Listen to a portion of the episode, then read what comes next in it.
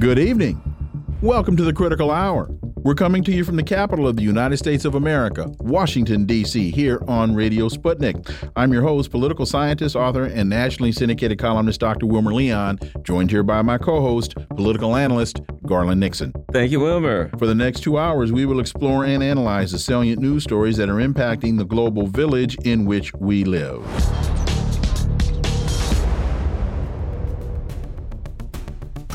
Hunter Biden is expected to be indicted over gun and tax charges. Special counsel David Weiss, appointed to oversee the federal investigation into Hunter Biden, is seeking a grand jury indictment of the president's son by the end of the month. What are we to make of all of this? Well, for insight, let's turn to our first guest. He's an independent investigative journalist and author of three books The Frozen Republic, The Velvet Coup, and America's Undeclared War. Daniel Lazare. As always, Dan, welcome back. Thanks for having me. So, uh, federal prosecutors plan to seek a grand jury indictment of President Joe Biden's son Hunter before the end of the month. And this is according to court documents that were filed yesterday. The filing came in a gun possession charge in which Hunter Biden was accused of having a firearm while being a drug user, though prosecutors did not name exactly which charges they will seek. He has also been under investigation by federal prosecutors for his business dealings. Daniel Lazare, your thoughts on this latest development? Well, my thoughts are this is getting messier and messier, bigger and bigger. I think uh, I think it's uh, it's beginning to penetrate into the public uh, consciousness. Uh, and uh, that's not good for Joe Biden. Uh, the latest polls show this is a CNN poll out yesterday, I believe, which shows him trailing a, a, whole slew of Republican candidates. he just looks like he's in just growing trouble. I mean, the, the election is 14 months off, so I, I don't dare make a prediction, but but it's just looking uh, less and less good for uh, for for. Well, and when you look at this, you know, there there's two tracks that I keep saying, uh, Dan, and one of them is the Bidens. Well, it's pretty clear by now, if you read, which I know you did, the FBI's 1023, that the allegations against that have been made against Biden regarding uh, corruption in Ukraine kind of um, the facts that we've found seem to support them quite strongly. The other issue that we have here is such as this guy Weiss, the prosecutor. We keep seeing evidence where the FBI's they're looking the other way when something happens. The FBI is trying to cover something up. The DOJ is trying to, you know, uh, uh, uh, appoint one of the Biden's best friends as the prosecutor, and so it's not just the corruption with the Bidens, that is what it is. The politicians can be corrupt, but the corruption in the system that seems to be covering up. Let me just add this, which leads me to believe that Hunter Biden's trail leads to the um, uh, uh, intelligence communities. Your thoughts?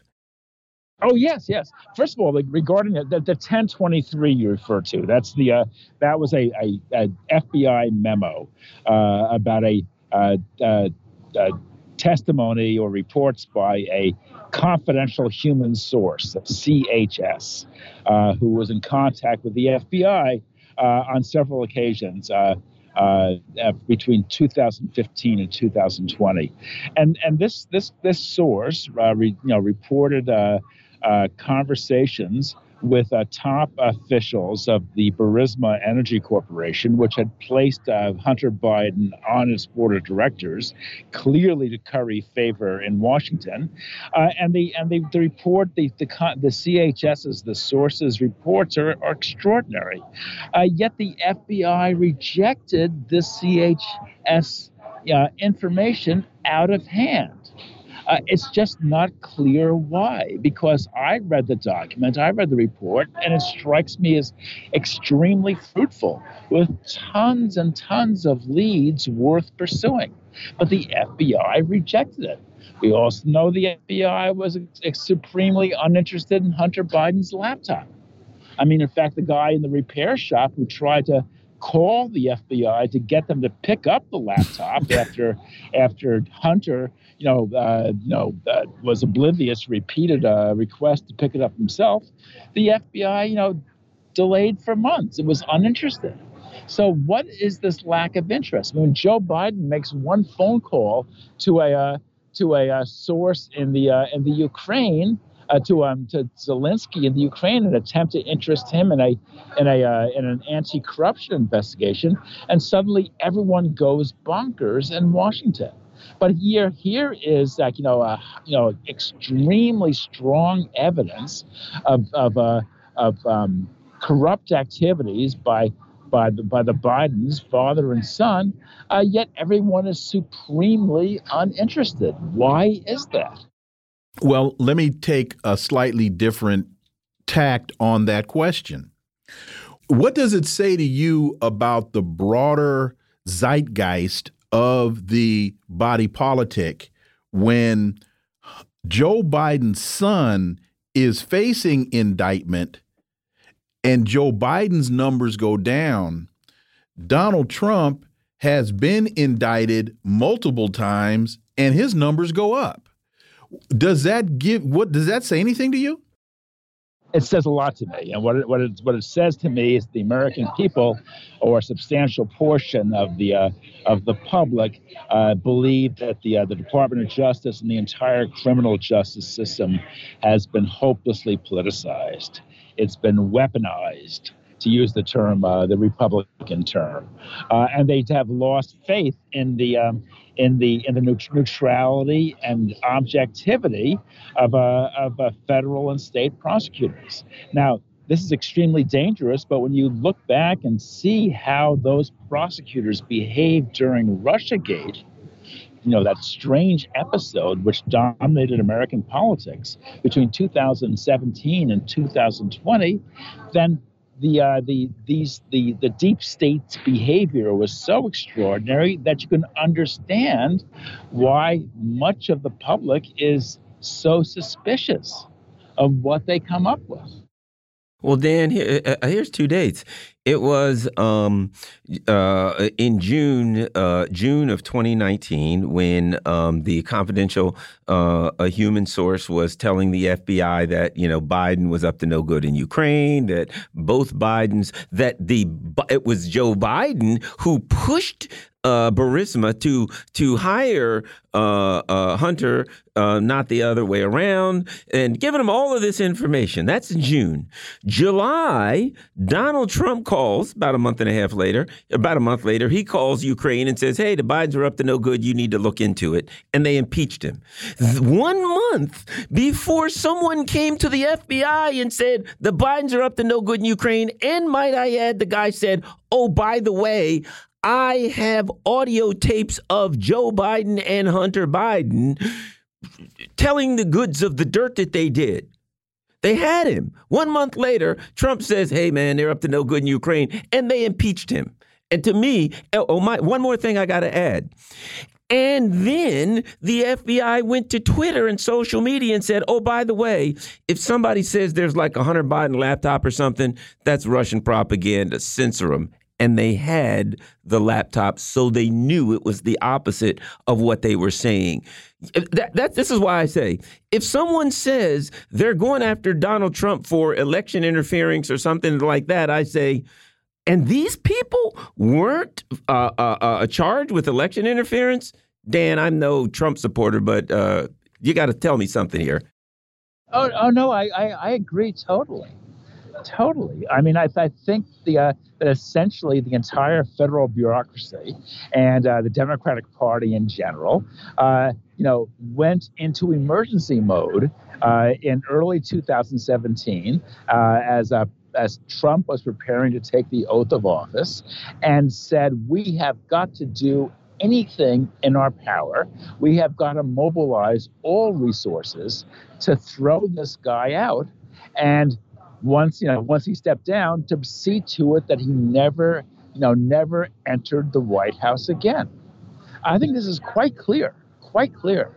I mean, and I think that a, that a large part of the public, I think, frankly, I think that the entire public recognizes that this is what happened. The only thing is that roughly half the public agrees that that's what the, that's what the Democrats should have done, and the other half is appalled that that is what the Democrats actually did.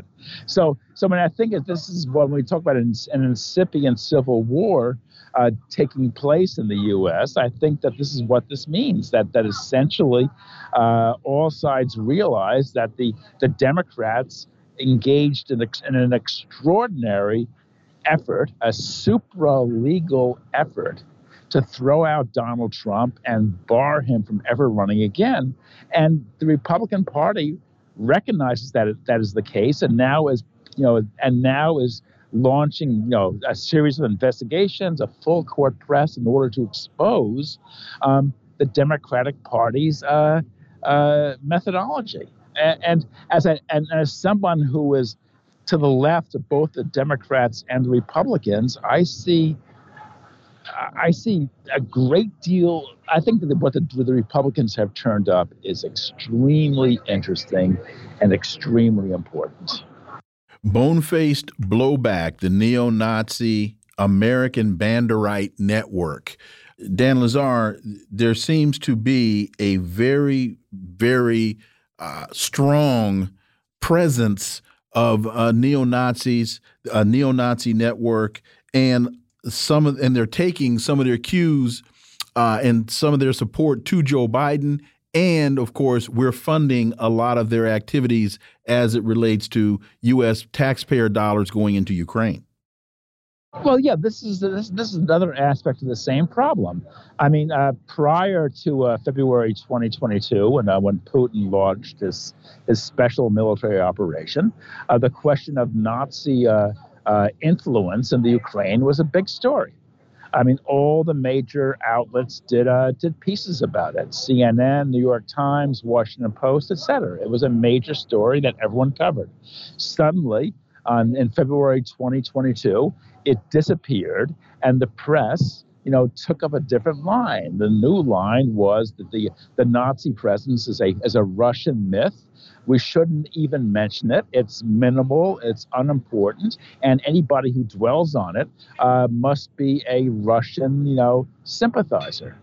Um, and uh, and the fact is that the, the, the neo-Nazi element is highly influential in the Ukraine. Uh, uh, ultra rightists from around the world are flocking to take part in the uh, in the uh, in the Ukrainian war effort, and there's inevitably going to be blowback. We saw this in the 80s when the uh, when the when the U.S. and the Saudis brought in Mujahideen. Uh, Afghan fundamentalist, I mean, Islamic fundamentalist fighters to aid the uh, the uh, the Afghan guerrillas against the Soviets, and the result was that was tremendous blowback in the form, most notably, of 9/11, when veterans of that of that campaign turned their guns on the United States, and we're going to see, sure as shooting, we will see the same thing here, where veterans of the Azov Battalion essentially form extremely dangerous, militarily trained uh, uh, operative units throughout the West establish contact, uh, contacts mm-hmm. with uh, with fascist elements in the U.S., Canada, Europe, etc., and form themselves into a fascist uh, international. And and that process is already well underway. And uh, and the, the ranks of the ultra right are really growing powerfully in Europe, North America, etc. Dan Lazare, as always, thank you so much for your time. Greatly, greatly appreciate that analysis, and we look forward to having you back. Thank you very much. Folks, you're listening to the Critical Hour on Radio Sputnik. I'm Wilmer Leon, joined here by my co host, Garland Nixon. There's more on the other side. Stay tuned.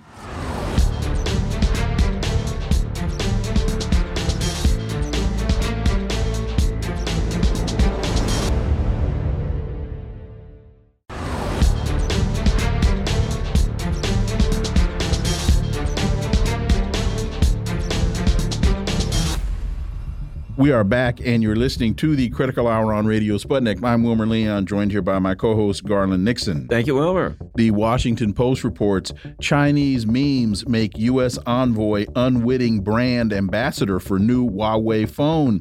An image of Commerce Secretary Gina uh, Raimondo speaking at the Boeing hangar in Shanghai's Pudong Airport last week made a splash on Chinese social media, not because of anything she said, but because it was supposedly taken with China's new hottest smartphone. For insight into this, let's turn to our next guest. He's an author and professor of East Asian and Global History at New Mexico State University, Dr. Ken Hammond. As always, welcome back. Thanks for having me here. So the Huawei Mate 60 Pro launched as Raimondo wrapped up a whirlwind four-day trip to China has been heralded as a symbol of China's technological advancement despite what many Chinese say are Washington's best efforts to thwart it. The phone relies on Chinese-made chips according to consultancy uh, Tech Insights, and has touched off a wave of Chinese online mockery directed at Raimondo, whose portfolio includes overseeing the export controls that the U.S. uses to restrict China's access to chips. So, Dr. Ken Hammond, this seems to be another example of the United States shooting itself in the foot by imposing sanctions on China. They just found a way around it, which, by the way, is we're going to make our own and we're going to make them better. Dr. Ken Hammond. Well, I think this is this this it's kind of a wonderful story because uh, that's exactly what's going on. You know, the United States is making these efforts to try to slow down or, possible, derail China's development uh, because they see it as a threat, uh, which they're not entirely wrong about, to their continued uh, hegemony and dominance in the world. Right, but China now has turned around and in a relatively short span of time, uh, you know, apparently overcome uh, some of these obstacles that the United States has been trying to throw in their path. And the release of uh, of this new phone, uh, which is getting, you know, it's it's being wildly embraced, and and uh, you know, there there have been images of people lined up around the block to to get them. Uh, you know, this just shows that this is the dynamic that's actually taking place, which is China is, you know, pursuing its own agenda of creativity and innovation and technological advance. And all the United States is doing is creating bad feeling, making itself, making very clear its its opposition to improving the lives of the Chinese people, uh, and that's just that's just sowing the seeds of resentment and frustration. Uh, and, but it's not slowing them down, and it's not gonna it's not gonna derail the project. You know, so this this is a great breakthrough for China. Uh, they are justifiably proud of this, and I think that that ordinary people that are out there cranking these memes out and and and you know having a good laugh over this uh, know exactly what's going on and and you know people at the at the leadership in the United States they ought to start paying attention to the realities of of, of what's happening out there. You know, uh, uh, Dr. Hammond, this has also, to me, shown the big lie about the free market. I remember a couple of uh, months ago when Janet Yellen went to um, went to China and she was, you know, extolling the virtues of the free market, which is interesting because number one, they've their economy has been growing far better than ours for many, many years. So you're going to tell a country whose economy is growing better than yours that they need to switch to your way of doing things, number one. And number two, at the time you're doing everything to suppress their access to the market. So you go to them as you do everything to act on the market to ensure that there is no free market. Because if there's a free market, you don't have to do anything to China. It'll all take care of itself. But there is that um, contradiction of doing everything you can to suppress this other entity in the market and then telling them, hey, the market's free. Uh, your thoughts on that? Well, I think that yeah, I mean, there's there's no question that uh, that free market economics, uh, you know, of course, it's in many ways it's a myth here, as we know, because uh, you know the, the, the giant corporations do everything they can to monopolize their markets and and warp things in their own favor. The free market ideology is is just it's just window dressing for the corruptions of American capitalism. But when we look at China, we see that that even on a theoretical basis, what's better what works, what has radically improved the lives of the Chinese people, is is a is is socialism, is a, a, a an economy with a socialist core and socialist leadership and guidance that utilizes markets, utilizes the things that you can get from markets that are beneficial, while having the power and the will to constrain the negative impact uh, that that markets inevitably generate. There's no question that they're going to generate bad things. The question is whether you're going to do anything about regulating and controlling and constraining that, which China has demonstrated both its willingness and its capacity to do. But in the United States, we just let you know the the worst aspects of the market run rampant over the lives of ordinary people. And to that point, uh, Dr. Hammond, you said in your other answer that people need to pay attention to the realities that are out there.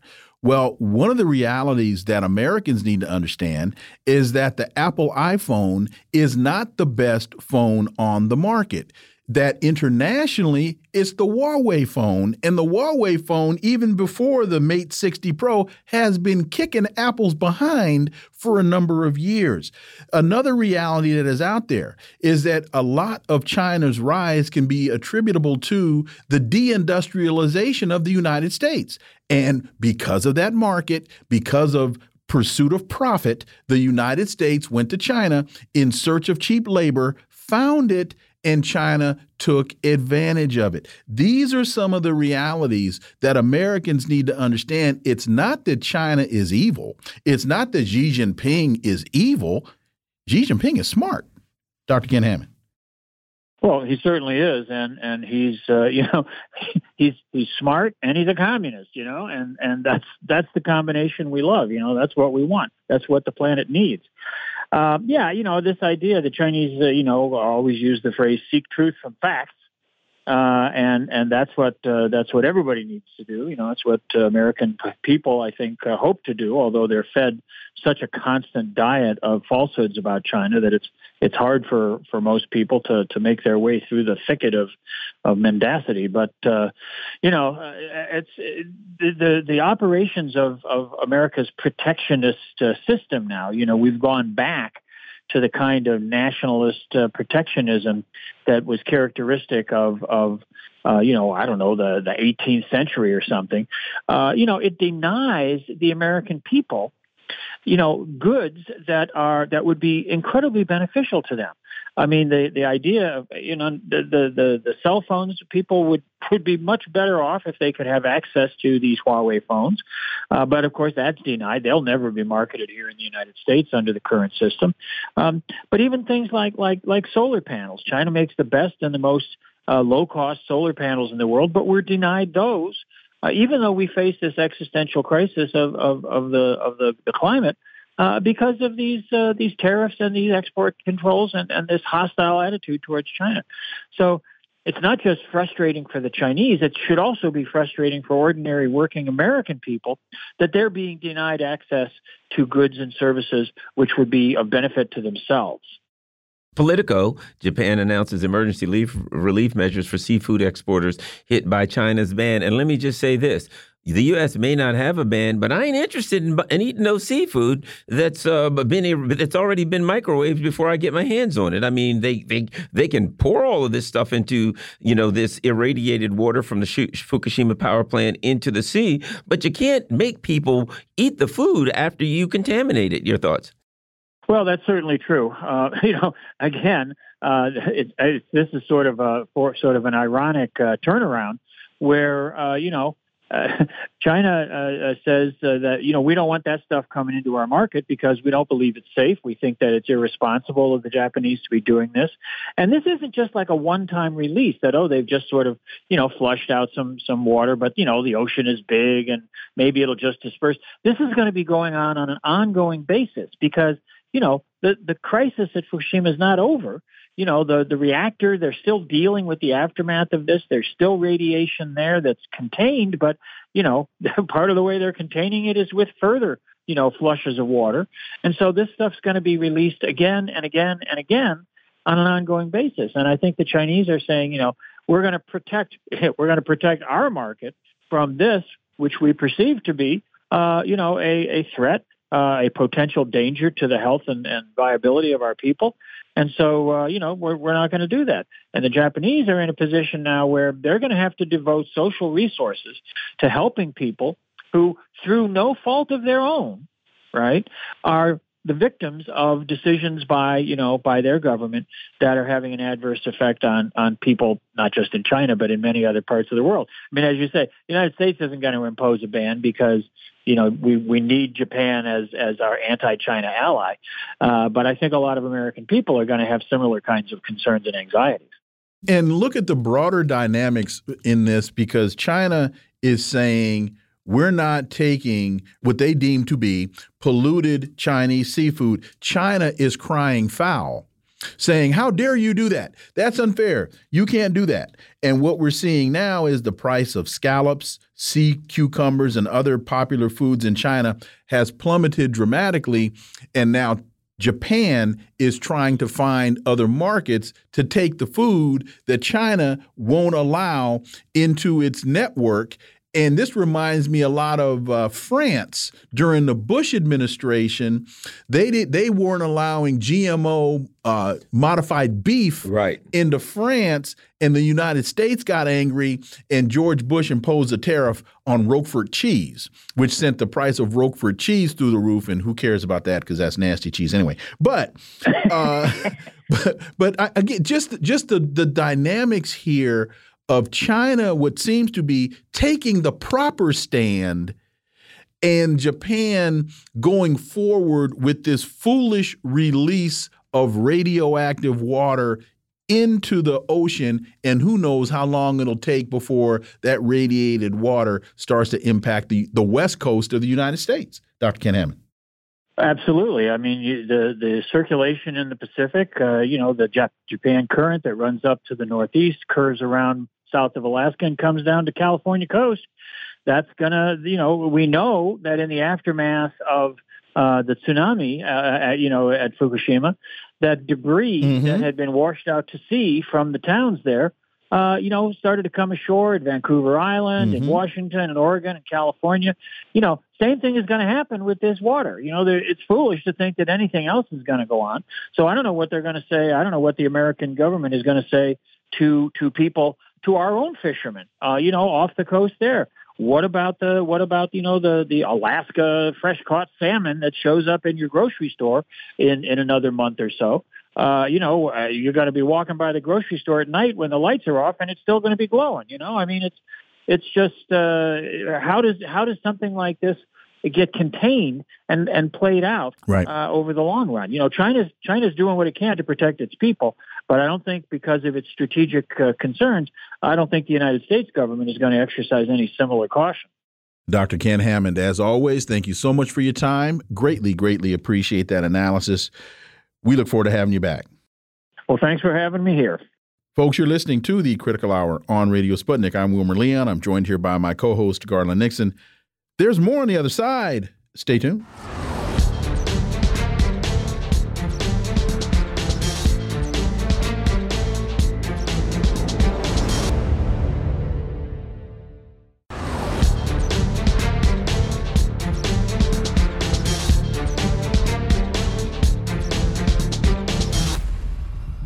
We are back, and you're listening to the Critical Hour on Radio Sputnik. I'm Wilmer Leon, joined here by my co host, Garland Nixon. Thank you, Wilmer. Press TV reports Iran's induction into BRICS Group a masterstroke of diplomacy. Pepe Escobar, speaking to Press TV, said Iran has been increasingly working in sync with the Russian China strategic partnership, as evidenced by its inclusion in the Shanghai Security Organization, and its strategic relationship helped prepare the ground for its BRICS membership. For insight into this, let's turn to our next guest. He's a veteran Middle East war correspondent, Elijah Magnier. Welcome back. Thank you for having me. Pepe Escobar continues Iran is in total sync with the Russia China strategic partnership. India was also from the start in favor of Iran's admission because of the international north south transport corridor. Refer, uh, he said this referring to a transit route connecting northern Europe to South Asia via Iran that is being completed. Elijah, what is the real long term significance of Iran being admitted. And what does this say about the shift from a unipolar to a multipolar world? Well, first of all, it's very significant for Iran because it will undermine the 43 years of heavy US sanctions on the Islamic Republic by shifting away from the US dollar in any business, commercial, and energy transaction. It means that the US dollars is no longer in use among the BRICS country or maybe larger in the future, the BRICS Plus. And then uh, the uh, dependence on the US dollar will be reduced. Moreover, it will open up a different market. It will uh, reduce the US hegemony that emanates also since the Second World War from the dollar.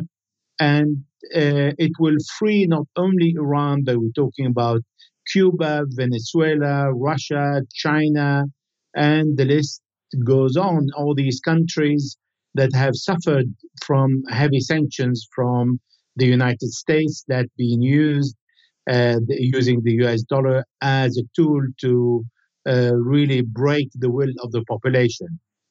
Also, for the Iranians to be part of uh, BRICS, it is a long term because not all BRICS members are anti US. However, we uh, know that India, that's one of the biggest US allies, is thrilled to say that we're no longer depending on the dollar and we're going to use our own currency, which is very significant when you have countries that not only like India, but also Saudi Arabia and the Emirates that are US allies shifting away from the US dollars, which means that all these countries have enough of the US dictating their policy that is incompatible with the will of other countries and other culture.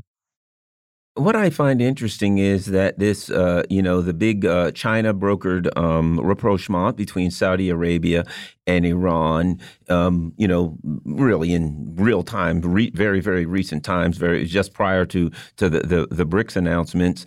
Um, do you think that was part of the deal? Do you think it was part of China setting Iran up for to be a part of BRICS and to bring them back into the world economy in the same way that it looks like they may be preparing to bring North Korea back into the world economy. Your thoughts? Well, uh, first of all, the BRICS has been uh, offered to the world by Russia. We're talking about 2006 to 2009. Secondly, uh, the Iranians, at the time when Russia and China were working to build up the BRICS and making it stronger, Iran was already under heavy sanction and was not in good term with the US, while other countries were in good term with the US, because they saw how the US is using the dollar as a tool to break the population's will. So by Iran joining uh, the BRICS, it is something that was overdue uh, since many years. Iran was asking um, insisting on shifting away uh, from the West only, but not to become the enemy of the West, but, but by diversify its market. And this is exactly what Russia is doing today, that it has not declared uh, uh, the US as its enemy. Uh, on the contrary, is vice versa. And China as well, where the Chinese are not imposing sanctions on the Americans when the Americans are imposing 650 sanctions on the Chinese and trying to limit their technology, the Chinese are way ahead. So we see all this presence of Iran really fits with the BRICS more than any other country, particularly because Iran is in West Asia, is among the Asian country, belong to that part of the world, and the whole global south is gathering to unite and form a strong front, not against the US, but a strong collaboration and progress, offering a completely different model from what the US is offering or has been offering since uh, the war in Yugoslavia, the war in Afghanistan, uh, in Iraq, in Syria, in Lebanon. So the, the US model is only a model of destruction and death, and the BRICS model uh, the model is uh, that the countries are offering there is a model of collaboration, bringing continent together, and make sure that these countries and these continents are prosper and uh, uh, advance to the future, but to the progress, not to wage war on them as the West has been doing. What I take away from your explanations, and particularly when you say that there are BRICS countries that are not anti US, and you used India as an example, what that says to me is India is saying, I'm not anti US, I'm pro India. And what uh, what Argentina and some of these other countries that are joining BRICS, they're saying the same thing. It's the United States that operates in this binary thought process. You're either with me or against me. It's China and Russia that are saying that's not how we're working in in uh, in in in in a relationship in an organization that is fo focused on economic development and freedom. We're not anti anything, we're pro us. Absolutely. I fully agree with you. This is exactly what uh, uh, India Foreign Minister Jaishankar said. The problems of uh, the West are the world problems, and the, the, our problems are our problems. Well, it doesn't work like that. We look after our own interests and the interest of our own population, that is 1.5 billion people. This is what we are doing today, and this is exactly what other what other countries are doing today. They're not looking after the interest of the West. Uh, it's, it's exactly what America is doing when America says and always repeats America first. Well, other countries today are saying, well, our interest comes also first. And unfortunately, this is not our case in Europe, where again we're saying in Europe, America first, and our leaders have created a huge gap between the population and their decisions, and they are not looking after the European interest. While the BRICS countries, no, they're saying our interest come first, and this is when we see OPEC Plus, led by Saudi Arabia, saying we are going to reduce the oil production. And this is not something that the US wants us to do, but we are doing it for the interest of the oil uh, country producers. This is something unheard of. Uh, and all that is thanks to the American war on Russia in Ukraine that opened the road for other countries to come out uh, of their cocoon and say, we want to be free and we want to look after our interests now. Michael Krupa has a great article in the Greanville Post. Subservience to, Washa, to Washington does not a superpower uh, make, where he talks about Poland's aspirations to be a superpower, but then he explains that basically they are simply making themselves look even weaker by just repeating anything that the U.S. wants, even oftentimes to their detriment. Your thoughts? Well, yes, um, uh, any country today that relies on the US and is not willing to come out of the Western uh, mentality and the Western uh, really colonialism thinking is still doing the US interest and is not following the country's interest. And unfortunately, it's still happening, but it's, it is going to uh, shift in one way or another is going to take time. The Americans expanded their influence and took them over 50 years to impose themselves and the dollar on the global market. And uh, since the perestroika in 1981, they became the uh, only superpower in the world. This is over. It's finished.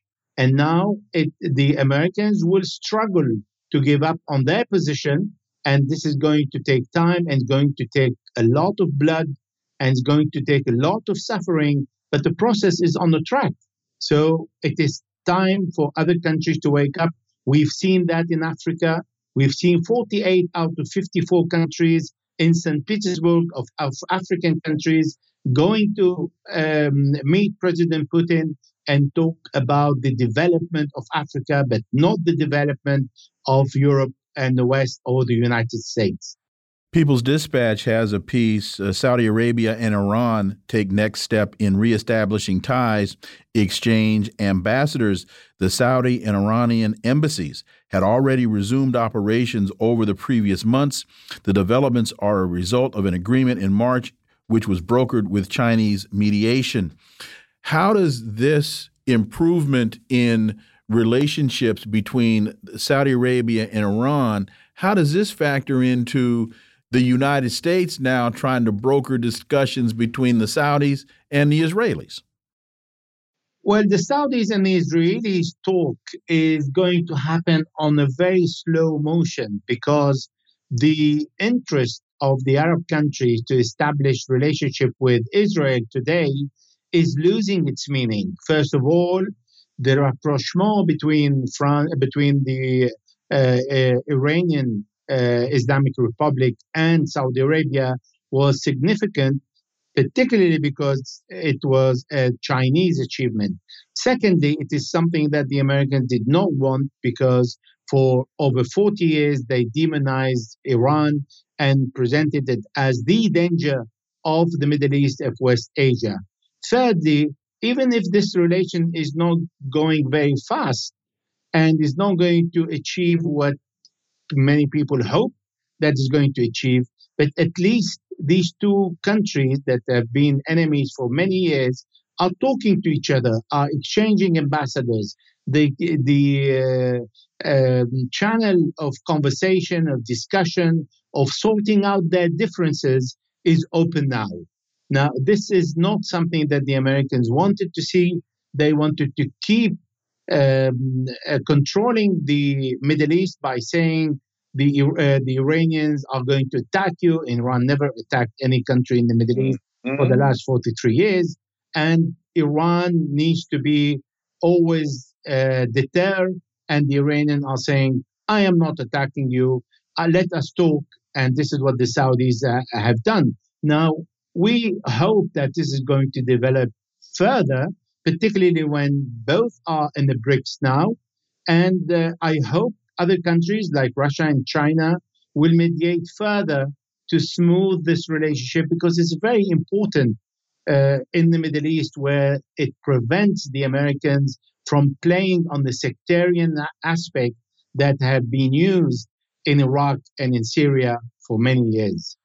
In fact, I'm very glad that you made that point because as I was listening to you, I, I was saying to myself, the major thing that this does is it eliminates the ability of the United States to leverage one country against the other with, with a threat of war and mischief. And once that is taken out of the American portfolio, America loses an awful lot of leverage. We got about 15 seconds yes, it is going to uh, put away the US from um, playing with both sides. And this is something that is going to be reflected positively.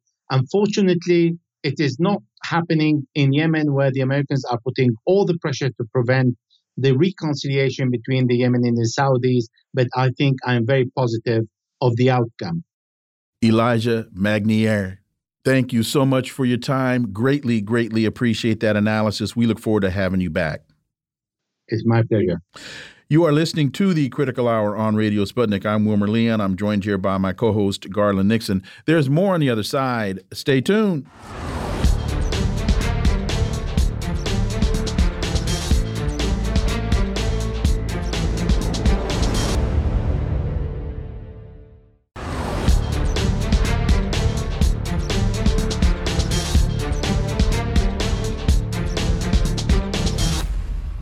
We are back, and you're listening to the Critical Hour on Radio Sputnik. I'm Wilmer Leon, joined here by my co host, Garland Nixon. Thank you, Wilmer.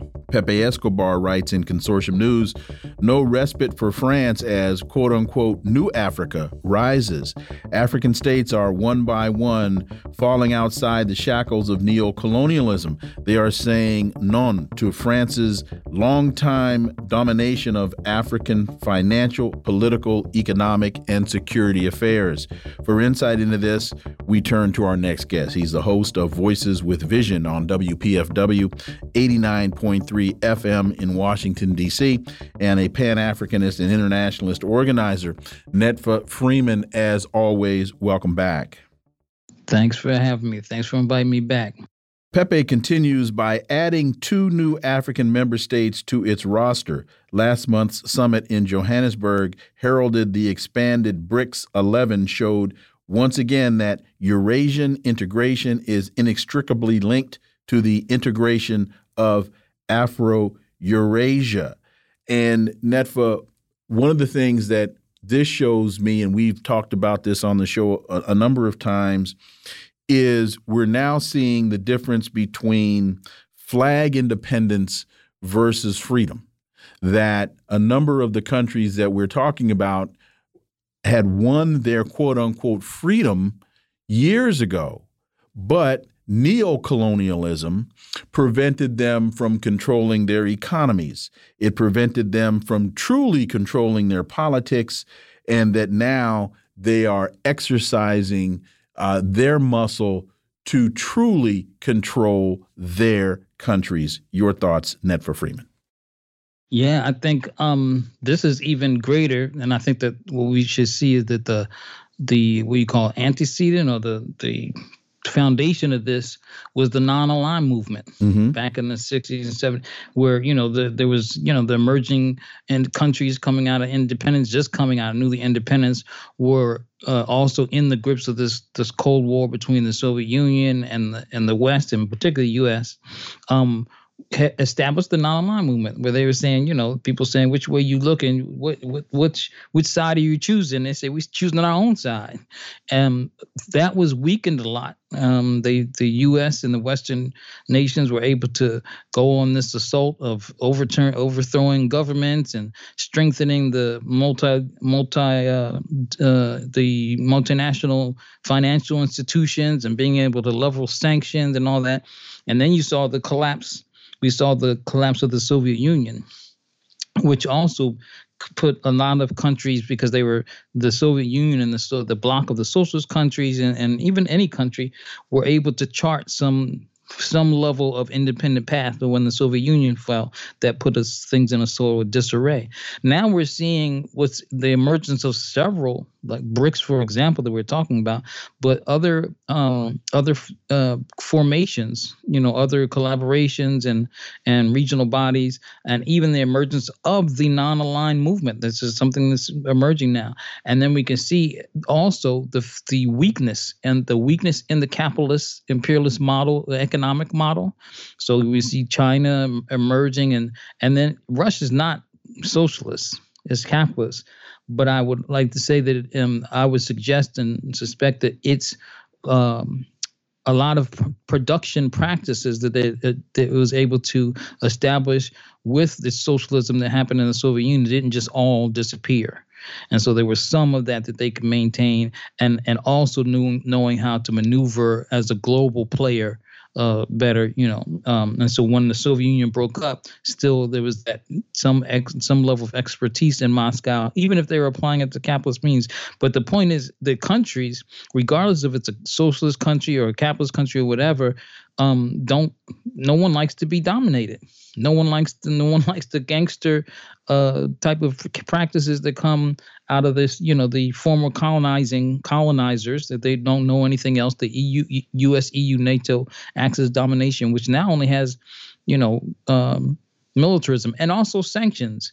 We're coming at a time also it's good to note here that the G77 uh, now they're calling it G77 plus China, which comes out of the non-aligned movement back in the 60s. And it, what it is is the people, you know, we've heard about it like a coalition of governments inside the United Nations that were form, you know, what they call developing or form emerging. They're about to meet, and now also the pr- president temporary of of was voted in as the president temporary because they rotate in terms of which country is being like the sort of the temporary president is Cuba and they're getting ready to have a summit in Cuba, right? You know, this month, uh, right after the UN, the United Nations convenes in New York the same month, um, and the night they call uh, Cuba, as the the president uh, called for it, called it the current development challenges, role of science and technology innovation. But I want to before, and that's going to be in Havana. But before we go to that, what of uh, what uh,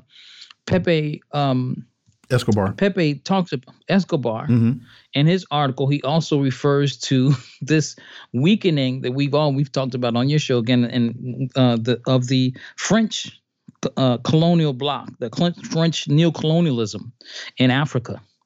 And this is something that I think really it snuck up on the colonizers. mm-hmm. I think maybe, um, and and also we know that, but and even kind of snuck up on us, but not quite. As soon we were t- waiting to see what was going to happen because we know military coups aren't necessarily always a bad thing, and so many of these military coups are are, are just or any kind of coups are things that the imperialists orchestrate.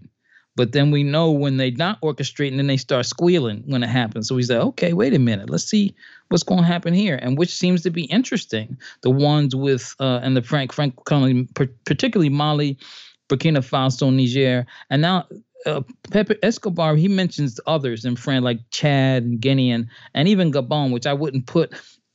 What we can say about it though is that the people on the ground in all of these countries are anti-France. It doesn't matter what the nature of the coup is and the leaders of the coup. They are anti-France and they welcome the change, anything.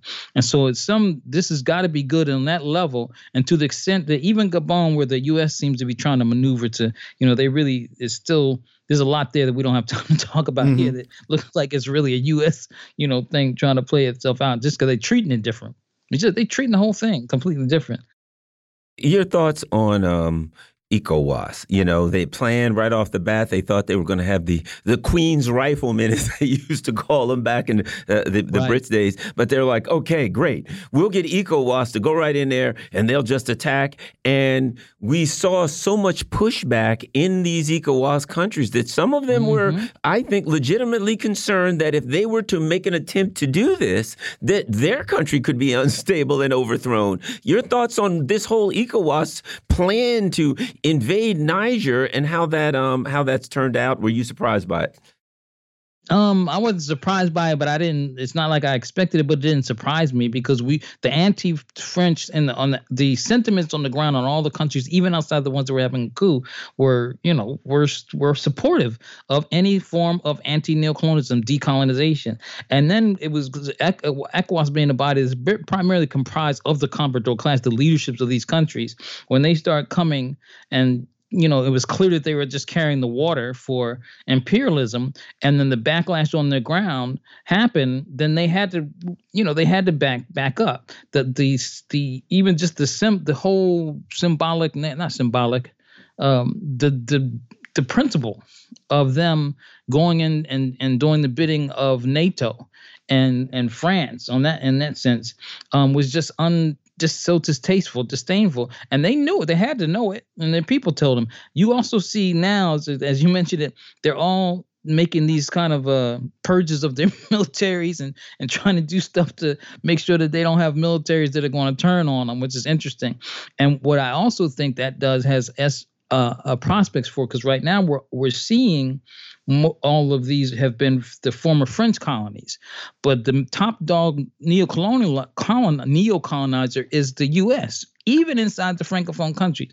Now the French are just so you know shameless with it with their CFA franc that they impose and all kind of things that they impose. And they're they're seen as a form of colon they have that because of the colonizing language everything.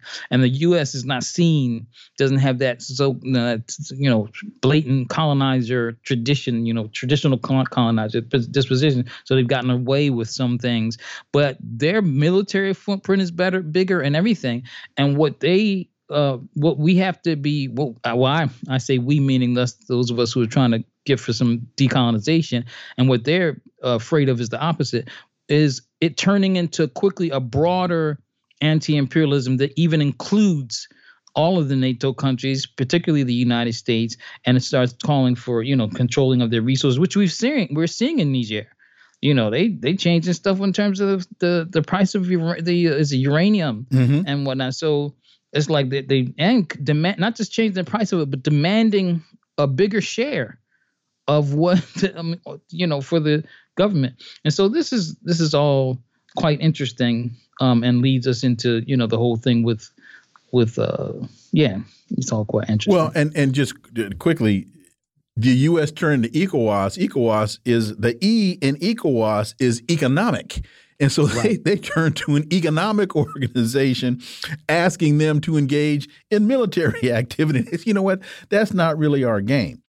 They had to because you know the, the, one the the when you think about the the NATO's destruction of Libya and mm -hmm. how mm-hmm. blatant that was and how everybody except the ruling class of the world knows that that was just some inhumane stuff, you mm-hmm. know.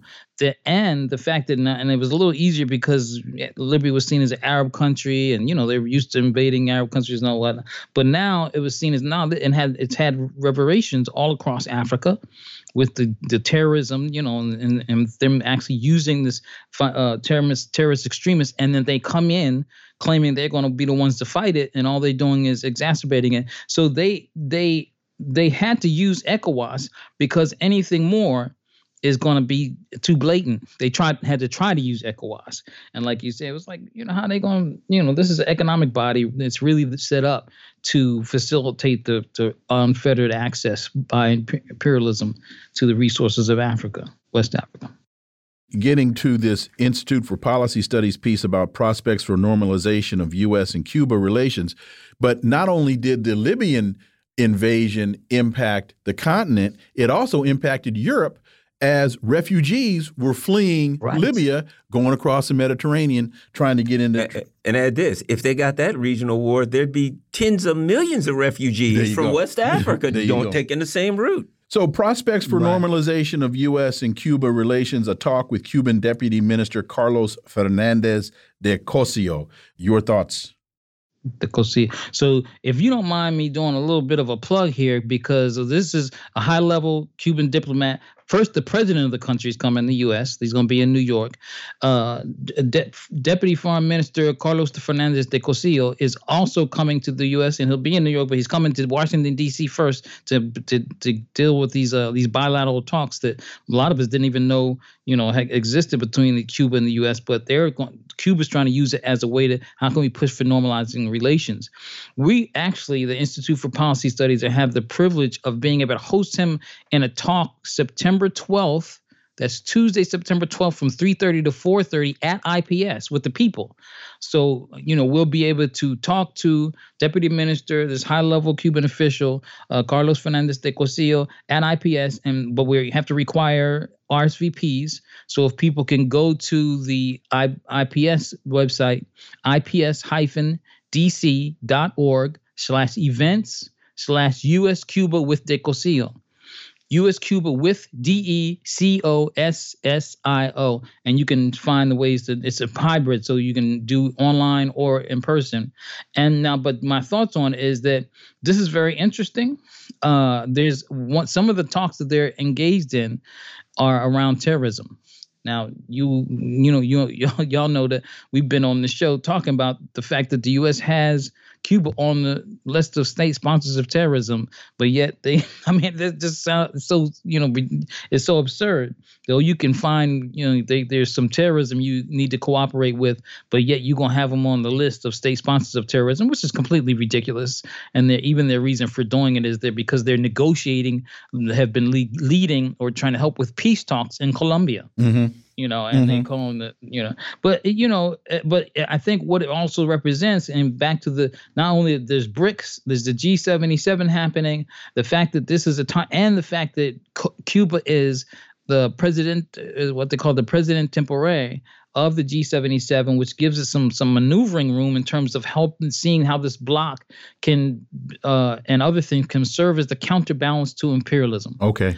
Okay. This is the world that we're, you know, Go to the Institute for Policy Studies website. You can get information there about a talk with Cuban Deputy Minister Carlos Fernandez de Cosio. And uh, as always, Netfa Freeman, greatly appreciate it. Thanks for the analysis. Look forward to having you back. Thank you. Thank you. Folks, you're listening to the Critical Hour on Radio Sputnik. I'm Wilmer Leon. I'm joined here by my co host, Garland Nixon. There's another hour on the other side. Stay tuned.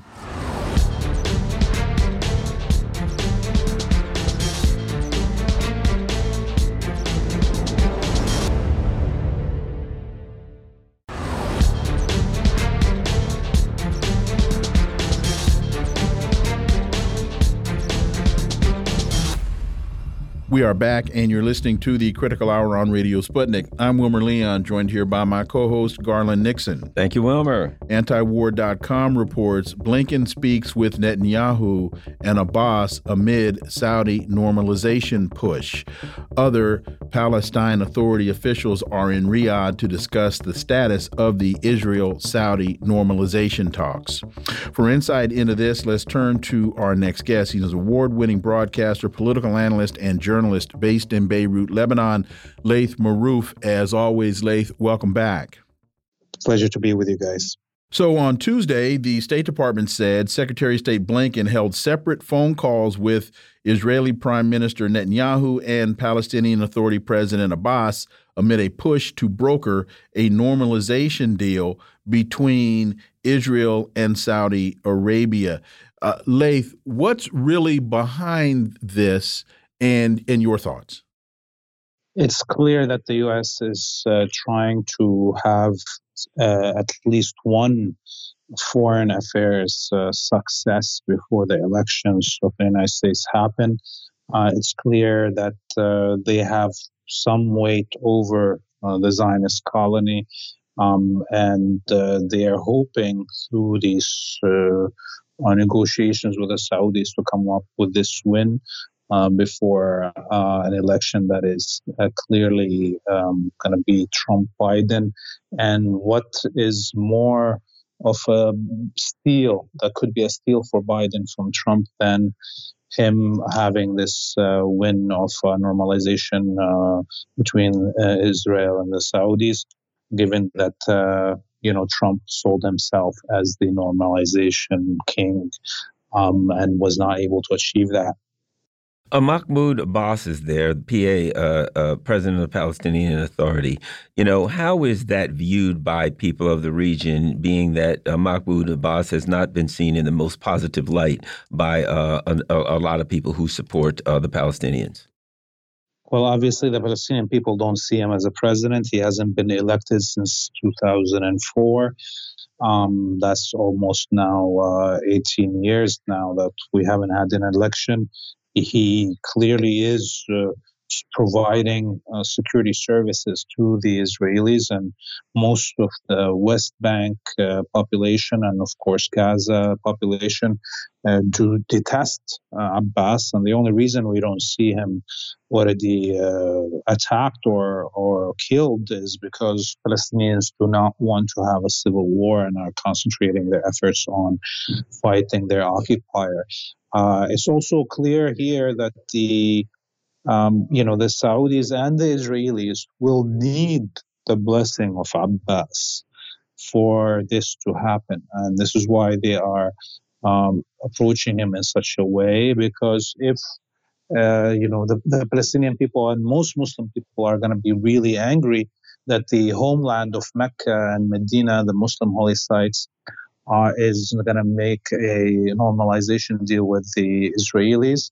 And uh, only if the Palestinian Authority provides a cover for them, uh, they may escape some of the wrath of their population.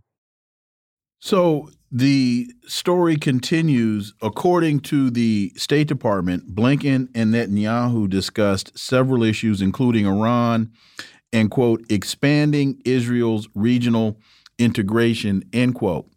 But if there, if the focus of the conversation isn't the settler colonial colonial states uh, apartheid regime and dismantling that, then in in the words of that brilliant African American philosopher James Brown, they're, they're talking loud and saying nothing. I don't see how that works. I understand it on paper, but in terms of a practical reality, I just see that as you're you're you're lighting the fuse and you need to stand back and wait for the explosion. Laith Marouf. Oh yeah, and of course the Saudis are demanding a an alliance with the United States that guarantees them full protection uh, in case of, of course, a regional war, and they want the latest technologies from the Americans in return for this deal, and they that is conflicting, of course, with the Israeli uh, need to be superior to even the local tools of the United States in terms of technology. So I don't know if they're going to be able to reach such a deal. And I think the Saudis know that uh, Biden is desperate for a foreign affairs win before the election uh, and uh, that they can push as far as they can on their demands. Uh, of course, the Saudis are also being courted by Iran and China and Russia, and, and they have been accepted into BRICS. They will be a full member by January. So, what is America gonna gonna offer the Saudis uh, that uh, is better than everybody else's offer? I don't know. And of course, the Zionists, even though that they want the Saudi alliance, they are still racist against Arabs in general, and they don't want a developed Saudi Arabia that uh, could have uh, access to the same equipment that it has. The Palestinian Islamic Jihad movement has condemned in the strongest terms the ongoing negotiations between Saudi Arabia and the United States in the course of concluding a deal that leads to the normalization of relations with Israel. What are your thoughts on that? You see, we mentioned how Abbas was uh, being courted to provide this cover for this deal if it ever happens between the Saudis and Israel. And here we see already the other Palestinian factions, uh, with the, Palestinian Islamic Jihad being the most active right now resistance group on the ground in the West Bank, saying that they condemn such moves. And uh, of course, this is going to put a lot of pressure on the Saudi- Saudis from a religious point of view, uh, here is an Islamic movement um, condemning such move. It also will put more pressure on Abbas, who will, you know, need to provide this cover, as we mentioned. Um, now we will have to wait to also to see what Hamas says. I think Hamas is in a more delicate situation because it has some of its prisoners in uh, Saudi jails. Uh, it's been trying to negotiate uh, much of their release. And uh, that is, um, of course, going to require to not criticize the Saudis. Uh, it also has a, to balance uh, Qatar. Uh, it's you know one of the main funders of uh, Hamas, uh, Muslim Brotherhood group, will probably not want to rattle this, the cage with the Saudis in these delicate times also. So Islamic Jihad has been um, able to speak on behalf of the Palestinian people, which all majority of them condemn this normalization and all other normalizations, and condemn Abbas's uh, support to such normalization in in these days. In their statement, they indicate that the goal behind these negotiations is to conclude a new ominous deal, which makes Saudi Arabia a new partner of the Palestinian Authority in the course of restoring the U.S. role in the region, which is against the interests of peoples and gives the Zionist entity the upper hand in the region to the detriment of our national security the role that the Palestinian Authority plays in providing cover for these negotiations and the possible resulting agreements destroys what it, the authority, has left at the Palestinian level. So what I take out of one of the things that I take out of that is the is Islamic Jihad is saying that the United States is trying to develop slash strengthen its relationship with two proxies that will then give the United States more strength in the region through those proxies. And the Islamic Jihad is saying that then is a very ominous direct threat to the best interests of Palestinians. Is, is that accurate? Oh yeah, yeah, you're definitely right. And of course, the, the Saudis uh, just last week announced uh, that they will be appointing oh, actually announced the name of a um, um, council general uh, for the Palestinian Authority. Uh, so, and they will be supposedly uh, sending such uh, ambassador, you know, consul general to Ramallah, which means this uh, Saudi official will have to go through Israeli checkpoints get their passports stamped by Israelis and have the approval of the Israelis to enter the West Bank. And that led to, you know, huge demonstrations inside the West Bank and of course inside even Jordan, by the way. Uh, people condemning the fact that the Saudis will be appointing such a representative. Now, because we all know that the next step is for them to put a ambassador to Israel. That's what the next step would be to the Saudis because it's a half normalization to even enter occupied territory uh, uh, that's under Israeli control, the West Bank, and be under their authority and claim that you are a uh, general just to the Palestinians. So we see things uh, playing out, and the uh, Islamic Jihad because it doesn't care about uh, money coming from the Gulf or support from the Gulf. It can say what uh, the rest of the Palestinian factions are unable to say. Uh, and it's clear that the Palestinian Authority is a collaborationist force. It doesn't have any legal uh, authority to represent the Palestinians or their will and it should be removed, and Mahmoud Abbas should be removed uh, from office uh, so we can move on and continue uh, in the path of liberation in Palestine. The IOF arrests senior uh, official, 12 others across occupied West Bank. Israeli occupation forces arrested 13 Palestinians from various cities in the occupied West Bank. Among those was Saeed Nakla, a prominent leader in the Palestinian Islamic Jihad movement. Is this arrest tied to the other two stories that we've just discussed? Oh, yes, it's definitely tied to the other two stories, and it's tied to also the campaign uh, that the Palestinian Authority and the Israeli uh, occupation forces are conducting against resistance in the West Bank. And as we see, the Palestinian Islamic uh, Jihad is the main target of these operations. Um, and the the individuals that all got uh, arrested, they were arrested in towns that are under the uh, military control of the Palestinian Authority. So the Palestinian Authority is allowing. Number one is surveilling its own populations. It's uh, and it's giving information about uh, uh, Palestinian resistance leaders in the West Bank to the Israeli occupation, um, and uh, uh, you know who, who is either liquidating, killing them, or um, arresting them. And here, clearly, this is a, a punishment for the Islamic Jihad for for speaking out against the Palestinian Authority and the normalization efforts between the Saudis and the Israelis. You know, the the article also goes on to say that um, the resistance group um, were actually, it seems to be, uh, had armed engagements with the Israeli military. Israeli military. Um, it seems to me is that picking up in that as the Israelis do these mass arrests, et cetera, that it's it seems to be getting more costly, shall we say? Oh yes, oh yes, definitely. Uh, in the last uh, few months, and even these uh, actions in the last two days, every time the Israelis attempt to or enter the refugee camp in Jenin or in Nablus or around Hebron, even they have been targeted uh, by IEDs and uh, um, and and direct fire from machine guns. And uh, the, this last attempt to invade the, the Jenin.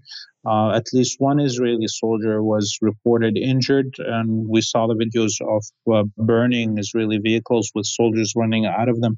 So, the uh, if proficiency of the uh, explosive devices that the Palestinian resistance is, is using in the West Bank is increasing, and there is the numbers of individuals that are enrolled in armed resistance groups and formations within these uh, cities and towns in the West Bank is increasing. Uh, the Israelis, you know, for instance, had to use missiles in this last invasion of uh, of outside Hebron, and you know from uh, uh, aircrafts, you know, so F-15s firing missiles inside the West Bank. These are uh, unheard of since the 1960s, and so now we're we're back to the stage of uh, every inch of historic Palestine is going to be a war zone uh, very soon. Laith Marouf, as always, thank you so much for your time. Greatly, greatly appreciate that analysis. We look forward to having you back. You have a great evening. You too. Thank you. Folks, you're listening to the Critical Hour on Radio Sputnik. I'm Wilmer Leon. I'm joined here by my co host, Garland Nixon. There's more on the other side. Stay tuned.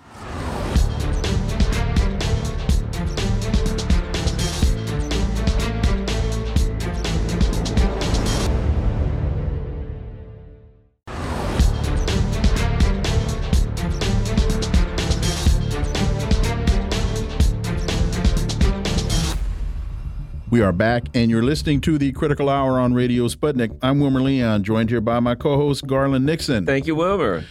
Black Agenda Report has a piece entitled Congressman Jamal Bowman and Black Misleadership. The Black Misleadership class are still up to their elbows in performative nonsense and class collaboration politics. They still act against the interests of black people. For insight into this, Let's turn to our next guest. She's the senior editor and senior columnist at Black Agenda Report and author of Prejudential Black America and the Presidents, Margaret Kimberley. As always, Margaret, welcome back. Thank you so much. You uh, opened the piece by quoting the late, great Glenn Ford. We know who these people are based on their political behaviors. Our job as conscious political people is to expose their treachery so that the black masses will reject their misleadership. And then you go on, everyone knows what it means to mislead. The simplicity of the word gives it a lot of power. Black elected officials are beholden to the Democratic Party and their corporate, neoliberal, and imperialist interests, working in concert with them is by definition working against the interests of black people. Why did you call out Jamal Bowman in particular uh, in the headline or title of this piece, Margaret Kimberley? Because he's gotten a lot of attention lately for doing things that are just uh, foolish. Uh, this constant uh, sparring with uh, uh, Marjorie Taylor Greene, uh, making fun of Trump. He this ridiculous video uh, showing uh, Trump's now famous mugshot. He's just laughing and laughing, saying ha ha ha ha, as if that's some sort of substitute for politics.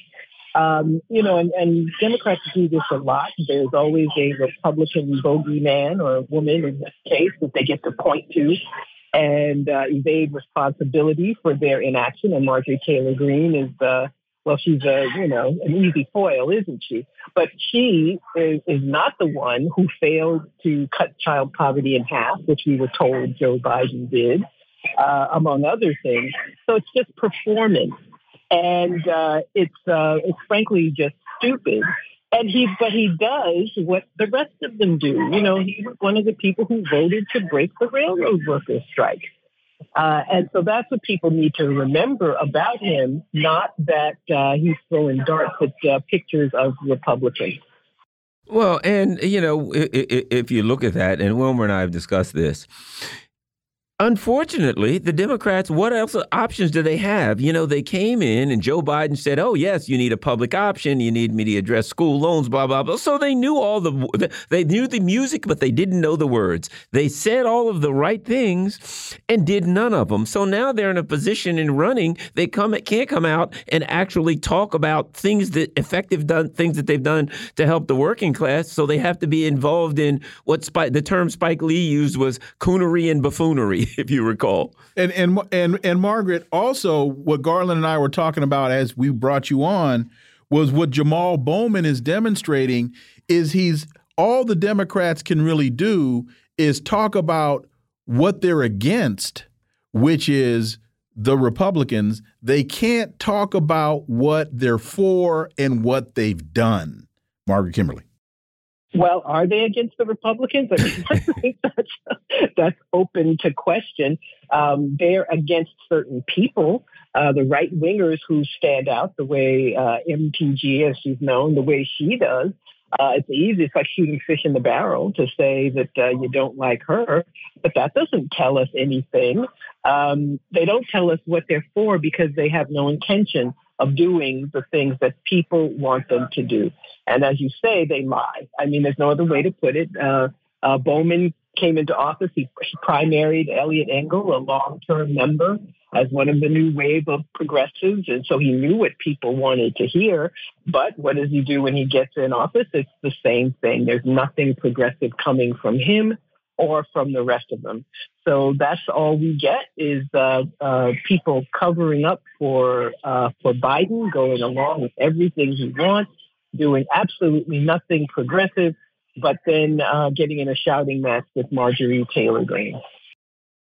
There's another uh, piece in Black Agenda Report. Georgia Attorney General brings RICO indictments against 61 activists.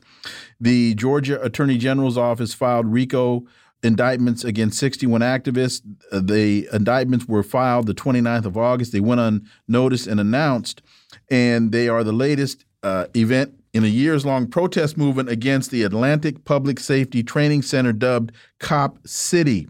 Margaret Kimberley. Yeah, this is um, particularly disgraceful. You know, the RICO laws were meant to uh, prosecute organized crime figures, but we have these prosecutors who use them to get anybody. So the the woman who's uh, being praised for prosecuting Trump also used RICO to prosecute uh, almost all black teachers, accusing them of changing test scores, and some of them even went to jail. So now we have this Georgia Attorney General uh, claiming that people who protested, who handed out leaflets, in one case who went to a concert, that they are part of a criminal enterprise. And uh, this is all an effort to uh, try to get Cop City through. It's clear the people of Atlanta don't want it. They do not want it. There, uh, there's a petitioning process underway to get uh, a, a, a referendum on the ballot so that people can vote. The city is trying to uh, obstruct that effort in so many ways because they know they would lose. But they, uh, other uh, folks have been charged with domestic terrorism um, and uh, no violent act, nothing that one thinks of as terrorism, a charity, a, a, a, bail support fund. They were charged with money laundering because they used funds to pay for personal expenses like, uh, you know, toiletries and things like that. So this is an effort to stop the Stop Cop City movement. And this tells us how Atlanta really works. We're always uh, hearing that um, Atlanta is uh, some kind of a mecca for black people, and really it's just a big plantation where uh, rich white people tell black elected officials what to do. And this is the end result. Well, the other part of it, too, is, you know, something else we discussed, and that is be very careful when you're cheering on how they go after your enemies because once the door is open, they'll use it against your friends. If you remember, the Espionage Act was used against Assange, then it was used against the Uhuru movement. Now it's used against Trump. The RICO, you know, people are hooray, they're going after Trump with RICO, and I used to teach about that, and I used to that's it's very dangerous thing. It was supposed to be used uh, often for the mafia, but whatever the case, they can really apply it wherever they really want to. You can kind of twist things to make it a RICO act, but that's the other part. They use this. this I'll put it like this: the the stuff that they're using to go after Trump. If conservatives get in power, and some black person, such as uh, what's her name in uh, in Georgia, says, "Hey, I think it was stolen," you can be sure they're going to come back and they're going to charge him exactly the same way just to get revenge, Margaret. Oh, absolutely. Uh, it's uh, something people don't know uh, don't know that much about. I don't uh, basically am mistrustful of prosecutors, so I don't need much motivation. But to to your point, people first of all, this idea that getting Trump out of the way with all these court cases, I think, is mistaken. First of all, but secondly, I don't want anybody uh, who's not a mafioso to be charged with RICO. Uh, it's something that is a, a, slam dunk, as they say, for prosecutors.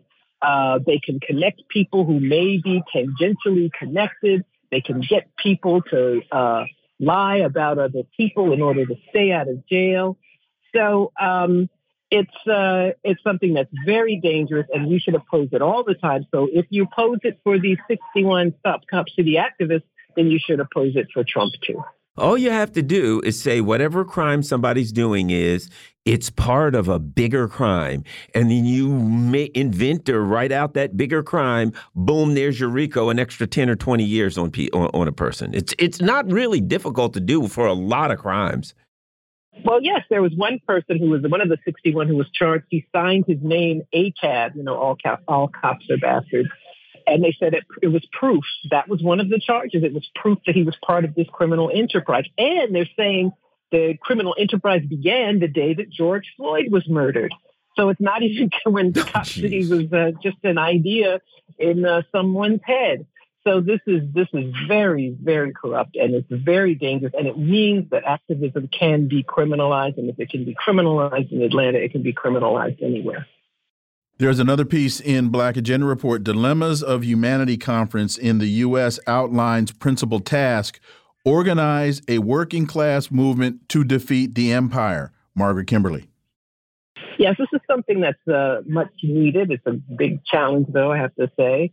Uh, a group of folks met in uh, Atlanta to talk about mobilizing um, uh, working people to uh, mobilize people to work against this predatory system that is doing us all uh, so much harm, is doing humanity so much harm.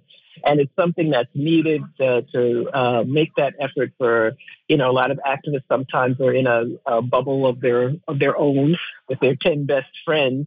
Uh, but it's a way to mobilize um, uh, the public. So if people were talking about how to get that done, how to surmount that challenge, how to surmount challenges like being criminalized if you speak out against the wrong thing. Uh, but it's the sort of thing that uh, has to happen more and more and more.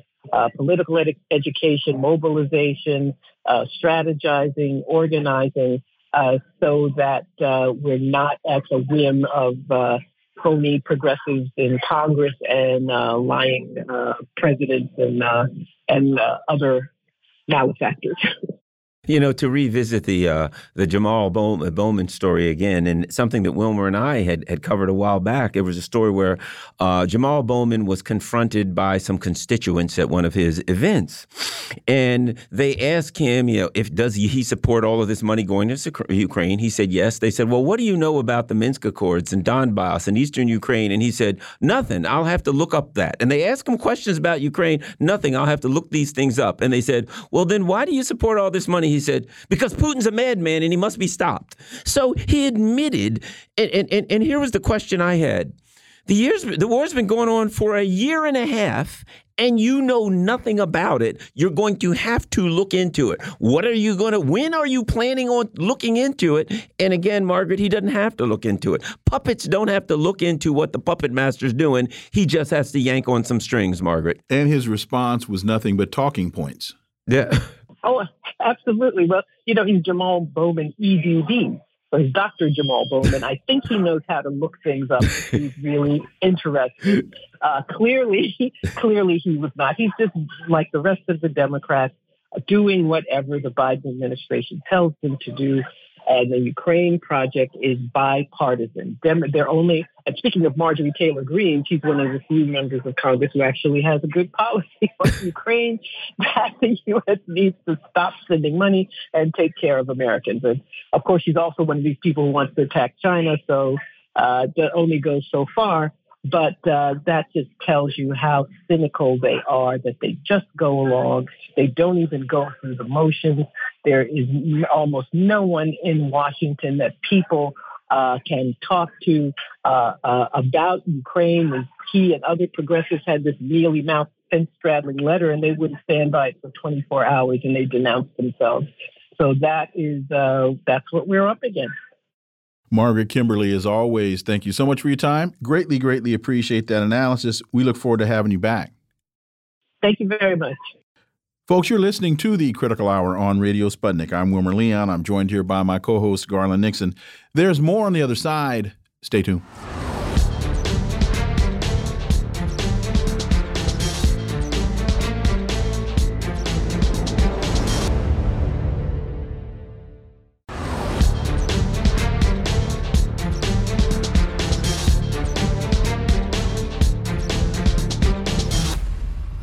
We are back, and you're listening to the Critical Hour on Radio Sputnik. I'm Wilmer Leon, joined here by my co host, Garland Nixon. Thank you, Wilmer. The Greanville Post has a piece entitled Lindsey Gramming Pulling Back the Curtain on America. The United States is much like a bit of rotten fruit these days. Those on the top of the apple, the places the elites inhabit, and this includes the lunatics in Washington, D.C., don't see the rot emerging yet.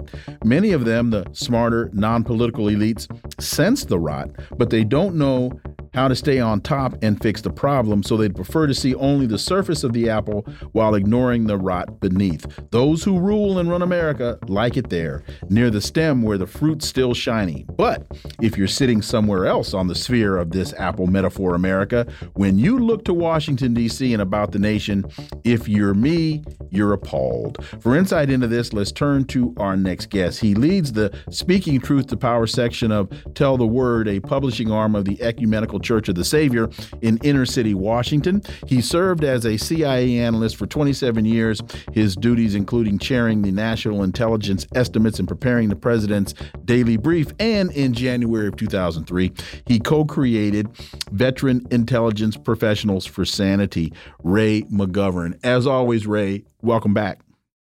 Thanks. So the piece continued. I watched Lindsey Graham by mistake a few days ago. There he was on YouTube lecturing a general and Secretary of Defense Austin, informing them they were not aggressive enough with China. Rot at the top of the apple. Lindsey proves my point. Those on top are happy to be there, and some of them, like Lindsey, are insane. And I'll add to that Ray McGovern, Lindsey talking about we we may need to invade Mexico uh, Ray McGovern? Well, insane is far too gentle a word for Lindsey Graham, uh, but I won't get involved in, in personal invective. Um, you know, it's a sign of the times for him to be lecturing uh, generals who should know better, but apparently are so slavish and so interesting to get it over with and go back to their uh, to their think tanks and their defense uh, related uh, corporations that they listen to this guy, and some of them actually believe him.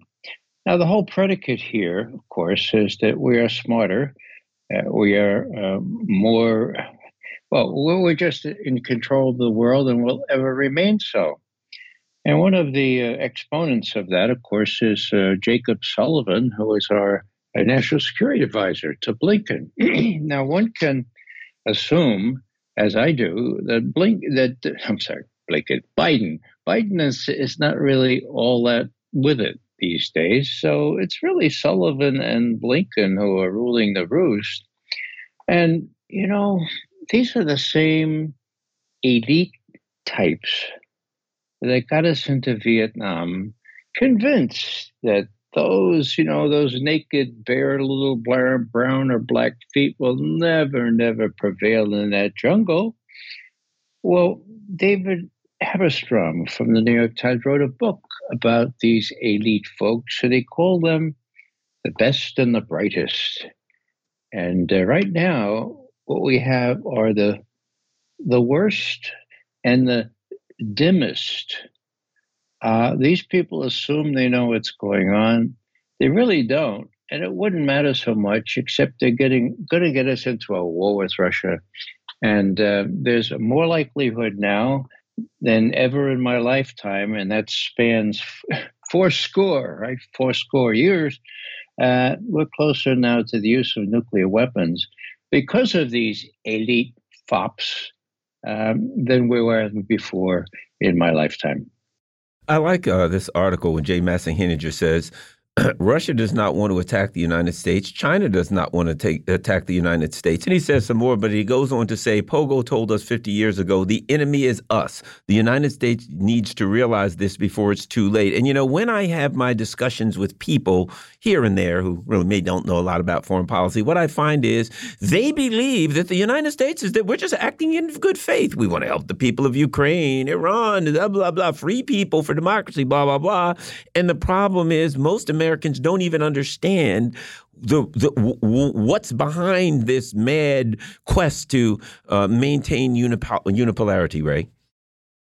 Well, Garland, there's no appreciation among Americans for any sense of history, uh, even just going back to Eisenhower, for God's sake. I mean, I was old enough to vote during those days, and Eisenhower warned about the accretion of power of what he called the military industrial complex. And of course, he was correct. He said, look, uh, the only antidote to this uh, growing power which is so damaging to our democracy, is a well informed citizenry. Now, if your listen, listeners have a, a pen or a keyboard these days, let them write down MICIMATT, M I C I M A T T, because that's what the MIC, the MIC, has grown into. Let me spell it out.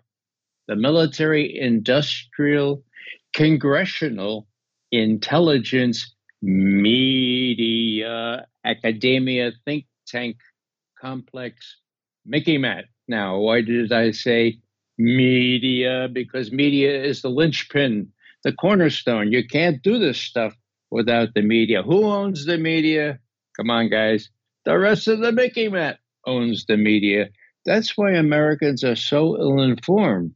And our struggle and the reason i'm delighted to talk to your listeners is because we have to crack this. We have to get give Americans a reasonable, decent chance to find out what's going on. And unless they find uh, folks like you and me and others who are telling the truth, uh, our democracy, as Eisenhower warned, is really in great peril. Marty Sieff uh, wrote a piece, Jake Sullivan and the Unavoidable Destruction of Western Civilization. And he writes Surely, U.S. National Security Advisor Jake Sullivan must, like Dwight Eisenhower and Ronald Reagan, be hiding a brilliant, cynical, calculating genius behind that idiot facade. As only Marty can write. Uh, Ray McGovern. Well, yeah, you know, he, he said, How do you explain how we're going down the tube? Uh, and, he says, Well, maybe is. Uh, is Biden channeling Henry Kissinger or is is uh, Sullivan? Or how about Madeleine Albright? No, no, says Sieff. Things wouldn't be remotely so bad if it was just those bad bad actors. this is this is a guy who thinks that he knows everything because he went to Yale and because he knows the right people and because he was a Rhodes Scholar and because just like the bright, the best and the brightest. You know, Vietnam was not that long ago, but most Americans don't know that it was the best and the brightest out of these same schools who thought they were very exceptional. Uh, now we have, as I said before, and this is coined by Martin Sieff, the worst and the dimmest, mm-hmm. the best and the brightest. And that's, you know, it would be funny. It is funny, except you know, we're very close to those people calling the shots. Now they've given uh, cluster munitions, they've given uh, uranium tipped uh, shells. Uh, what are they going to do when Russia wins anyway in Ukraine? Well, my point is simply that they're going to tell the president, look, we have these tactical nuclear weapons. We might as well use those. The more so since if Trump wins, we all end up in jail because because the proof is there, the bribery and all this stuff. And and Sullivan, of course, was the author of the Russian hack into the Democratic National Committee. These guys are just from hunger. They think they're exceptional. Well, they are exceptional. They're the dumbest and the dimmest. Yeah, and and when you look at this, um, as we watch from day to day, we watch them stumble through Ukraine, And the one thing that we find about the, out about these people is the only thing they have is a narrative and a consensus. They come together and they all come to a consensus about something. They create this consensus reality, and once they believe it, no matter how far fetched it is, once they get a consensus, they all go together and they go to the world. And then, you know, Annalena Baerbock tells us that, you know, we've got to take a 360 degree turn or something. And they got the dimwits over there that they have put in power. Rishi Sunak, he's no more than the, the uh, a, a glove for the empire. And so they've created this reflection of themselves in the preposterous and clownish leaders in the uh, in the um, in the EU, Ray. Well, you're right about that. Uh, However, I entertain still uh, a not so forlorn hope that Germany will come out of its stupid stupor. Okay. what I mean by that is they're going to really suffer economically, even worse than they're already suffering. Okay.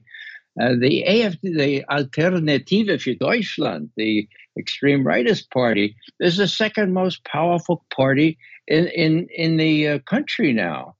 And there are people, let me just quote one uh, leftist from Die Linke Party, Dagdelen is her name. She says, Look, uh, unsere erste Pflicht in uh, dieser Königreich vom Juden, sich nicht dumm machen zu lassen, which means our first duty in this Königreich, in this kingdom of lies, is not to let ourselves dumm machen zu lassen, not to let ourselves be made dumm.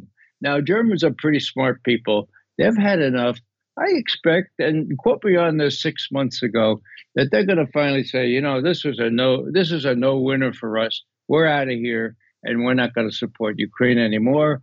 I think by then Ukraine will have seen its last days.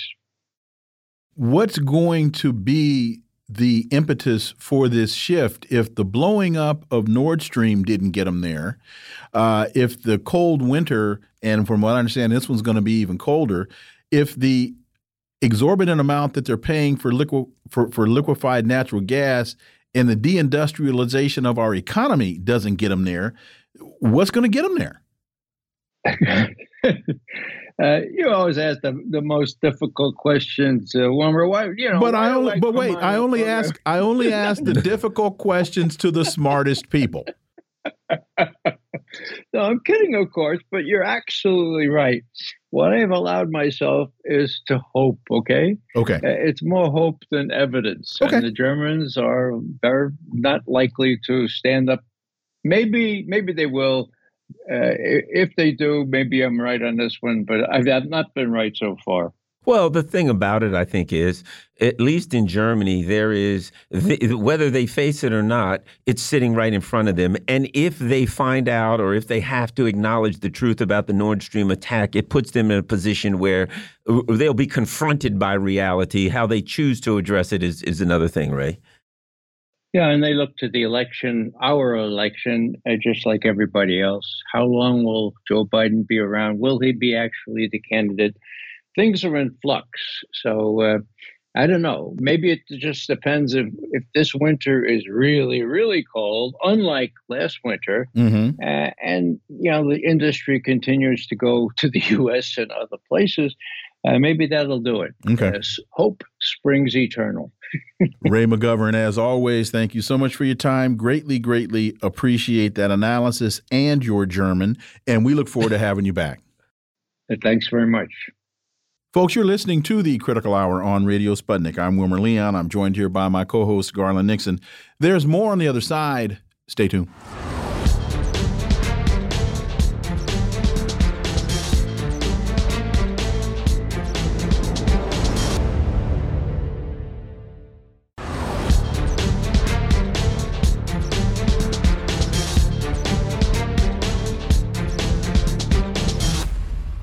We are back, and you're listening to the Critical Hour on Radio Sputnik. I'm Wilmer Leon, joined here by my co host, Garland Nixon. Thank you, Wilmer.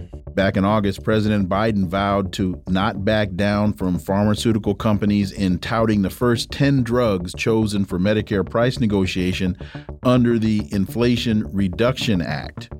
Popular Resistance has a piece entitled, This is How We Challenge the Power of Big Pharma. For insight into this, let's turn to our next guest. She's the co editor of Popular Resistance and the author of this piece, Dr. Margaret Flowers. As always, welcome back. Thank you. It's wonderful to be with you. So uh, you write people in the U.S. pay the highest prices for pharmaceuticals, and Big Pharma spends hundreds of millions of dollars every year on lobbying to keep it that way. The United States is also experiencing a growing shortage of medications from antibiotics to cancer treatments and more, despite being a wealthy country. Your thoughts on this, Dr. Margaret Flowers, and to add another data point, we recall the public option that Senator Barack Obama said he supported, but President Barack Obama turned on immediately as he got to the white into the White House as he was pressured not by big pharma, he was pressured by the insurance companies. Dr. Margaret Flowers. Right. Right, and and I do distinguish in that uh, radio interview with Dana Brown from the Democracy Collaborative about using something called a public option to try to rein in the insurance companies versus doing it with the pharmaceutical companies. You know, this problem with the growing uh, shortages of medications in the U.S., the high prices, is all part of a healthcare system that's based on profit and not on health. And the fact that, you know, the lobbying reduces the number of regulations on these corporations. And so they're just getting away literally with murder so they can make profits. And what, um, a couple of things. I mean, one thing is this whole oh, we're going to let Medicare negotiate the prices of 10 drugs, which doesn't start until 2026. Um, some of those drugs aren't even going to be relevant by that point because of other drugs that are coming on the market. And who knows what pharma is going to do between now and then to change this. There's no reason why Medicare couldn't be negotiating drug prices right now for all of the medications that people need. As there's a great article in the Lever that points out that most of those drugs on that list of 10 are already being sold by the same pharmaceutical companies for a lower price in other countries, and they're still making a profit from it. So, uh, what the, the one solution that's very important is to take back public production of pharmaceuticals, something that was done in the United States prior to the 1970s. Also, there could be patent changes because we didn't used to even allow patents on chemicals. Uh, you know, we could make these public goods, public information, so that you know companies could produce them when they need to. But but a growing trend is is states taking the power to start producing pharmaceuticals themselves, like California is doing, and that would actually put the pressure on pharma because you say, look, if you're not going to offer it at a reasonable price, we're just going to make it ourselves. You know, uh, uh Dr. Flowers, um, Obamacare 2009, and there were arguments for or against. There was valid arguments. There was a valid argument that said it will cover people who didn't have coverage before, despite the fact that you know, notwithstanding all of the money being handed out to big pharma, I mean, to big uh, corporations, et cetera, which was true there was an argument, and that, that was undisputable. Okay, more people are going to get covered. But then there were other arguments. Does it take us closer to Medicare for all? Does it take it further away from Medicare for all? Will it, you know, uh, uh, uh, affect prices? Your thoughts in hindsight, looking at uh, where we are now, and um, and and and the the ACA, Obamacare. Well, yeah. So, uh, you know, and I support this idea of a public option in, in making pharmaceuticals. I didn't at the time support it for uh, health insurance, and I don't support it now. Two really important things about that. One is that there was a lot of support for a national single payer healthcare system, a universal national publicly financed healthcare system. And the progressives knew that. They needed to find a way to protect their Democrat friends who were funded by the industry. And so they floated out this idea of, well, we can't have single payer, but we can give you this public option. That's what you can have. So you should be advocating for that because you can have that. Well, they never meant for it to be in there. They, you know, they stripped it out when they were doing the negotiating for the Affordable Care Act. And, and we knew that, that they didn't want it because the House passed a bill with a public option in there and the Senate was trying to pass a bill with a public option, and the White House whipped against it. They didn't want it in that Senate bill so they could strip it out.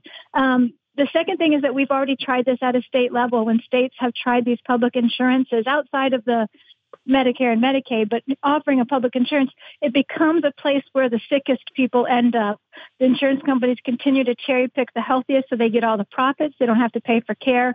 And then the public system is struggling and ends up either folding or having to cut benefits for people because it's the, the system that actually is having to pay for the, for people who need care.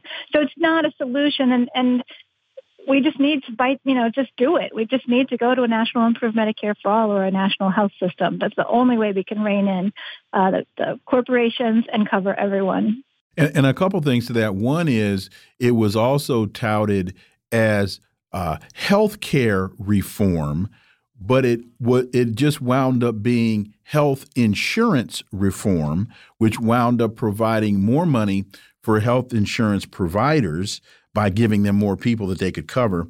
And to those that are listening to this saying, well, we just can't afford it, well, we probably could come close to affording it if Tony Blinken, instead of going to Ukraine and promising them a billion dollars, went to Cleveland and announced, we're going to put a billion dollars into improving the health system in the United States. That would probably go. But anyway, uh, what I really wanted to get to was uh, Joe Biden, uh, Senator Joe Biden campaigned on lowering the cost of medications. And here we are now, three years into his administration, and now he's just talking about negotiations. And that's supposed to be, or that's being touted as though it's some kind of win. And to your point, whatever the success of the negotiations is, it's not going to take place until 2026. So this really seems to be more of a campaign scheme for 24 than it does a real substantive policy initiative that is going to improve the lives of Americans on medications. I agree with that 100%. That's exactly what it is. Oh, well, then let's end the show and let's all go home. there we go. Here's an interesting article. And, and, and, and, and I look at it a little bit differently. GOP shutdown threat risks uh, raises risk of inhumane cuts to food. House Republicans are listening to their most extreme members on steps that could slow the relief of a flow of relief and put us on the brink of government shutdown. That's according to. But here, I look at it a different way. Every so often, we get oh the GOP may shut down oh those evil or of course if there's if the Republicans aren't don't have enough power then they designate uh, you know uh, uh, Sinema or whoever to be the designated Republican and they say oh the Republicans are going to do terrible things. Therefore we were forced to strike a deal with them and we had to cut food stamps and things for poor people. No money for HBCUs that we nothing. It to me I feel like it's a game and as soon as I hear that shutdown crap every so many months, the GOP is doing this or that. I feel like it's a game that these two are playing so that they can do neoliberal cuts to the social safety net. And that's what we get every time. And now Marjorie Taylor Greene is the uh, Republican oh, of the day. She's a madman. She's going to make us do what we always do, which is cut stuff for poor people. And she's threatening to shut down the government oh. if she doesn't get impeachment of Joe Biden. You know, you're absolutely right. And it's like so the Republicans are actually using their power to push through their agenda, and they're obvious about it. They want to cut social services. They want to make government smaller. They want to cut regulations. They want to empower the corporations. That's all true, and they and they're willing to use their power to make that happen. But where are the Democrats? When do they ever? You know, they've been in majority. Why aren't they fully funding these programs? Why aren't they expanding them? Why aren't they doubling Social Security, expanding, you know, healthcare in a meaningful way, one that doesn't just enrich the health insurance corporations, why do they keep asking for more and more money for the Pentagon? The whole food uh, stamp program or WIC program, program, Women's, Infants, and Children, is a little over $7 billion a year. What's our Pentagon budget going to be next year? I mean, they'll probably get four times that at least in extra money that the that the government, you know, the White House doesn't even ask for. They'll give them an extra 40 billion or 30 billion. Uh, we could be fully funding these programs and expanding them, but you don't hear the Democrats talking about that. And those would be programs that would truly make America safer as opposed to pumping money into a Pentagon to fight enemies that the United States is creating. The United States created this conflict in Ukraine. The United States is trying to create a conflict in Taiwan. Africa. The United States uh, is backing a lot of these coups uh, not the most recent one in Niger, but the the up until then, the the nine most recent coups were backed by the United States. So this is a kind of a cyclical cyclical argument of the United States fighting ghosts that the United States is creating. Right. Absolutely, yeah, and um, you know, and the Democrats are worried about the next election. You know, they I used to say at least the Republicans are obvious about what they're doing. The Democrats are going to try to make it look like they're doing good things, but they're just they're as much neoliberalist and corporatist, you know, as the Republicans are. And here's another example. Cluster bombs killed, wounded nearly 1,000 civilians in 2022 as 73 countries refused to join global ban, it's unconscionable that civilians are still dying from cluster munition attacks 15 years after these weapons were outlawed. This is in Common Dreams. And who sent cluster bombs into Ukraine recently? I think it was the United States. Dr. Margaret Flowers. Well, you know, it's okay when we do it. It's just not good when other people do it, right? uh, this is really terrible. And, and I was talking to Scott Ritter about this. You know, he's a an, an former Marine intelligence officer, an analyst of all this, former weapons inspector. And he, he's basically saying that the U.S. is using the cluster bombs because it's desperate, because it's pouring so many weapons into Ukraine faster than it can even, you know, produce them. That now it's having to go into the reserves of cluster bombs, and we know full well that 95% of the time it's civilians that are killed or injured by cluster bombs, and a lot of them are children because when when these bombs are dropped and they you know spread the the bombs all over the ground, some of them don't go off, and then a person can accidentally stumble upon it, or children will find them and think they're toys. Um, so they continue even long after the conflict is over. They continue to harm and kill and maim people. It's really unethical. Um, and you know, uh, I mean, I don't know what more to say than that. This is really an unethical situation. The United States should be joining the ban on cluster bombs. Absolutely, but and the other part of it is what we hear is we've got to support Ukraine, we've got to look out for Ukraine, and everything that we're doing. It seems to me there won't be any Ukrainians left to support if we keep going down this right. route. We got one minute. Yeah, no, I, I agree. This is not anything about the being in the interest of the Ukrainians, and we know that from the, the result, the efforts to prevent peace negotiations, and as you said, the provocation of this conflict in the first place. And this is just another example of the lack of concern for Ukrainians. And back to the cluster bomb point, the uh, there are there are Vietnamese farmers that still continue to, as mm -hmm. they're mm-hmm. plowing and tilling their fields, come across unexploded munitions from the Vietnam War. And so these things take generations to go away. Dr. Margaret Flowers, as always, thank you so much for your time. Greatly, greatly appreciate that analysis, and we look forward to having you back. Thank you. Folks, you've been listening to the Critical Hour here on Radio Sputnik. Thank you for allowing our voices into your space. On behalf of myself and my co host, Garland Nixon, we hope you were informed and enlightened. We look forward to talking with you all right here tomorrow on Radio Sputnik. Be safe. Peace and blessings. We're out.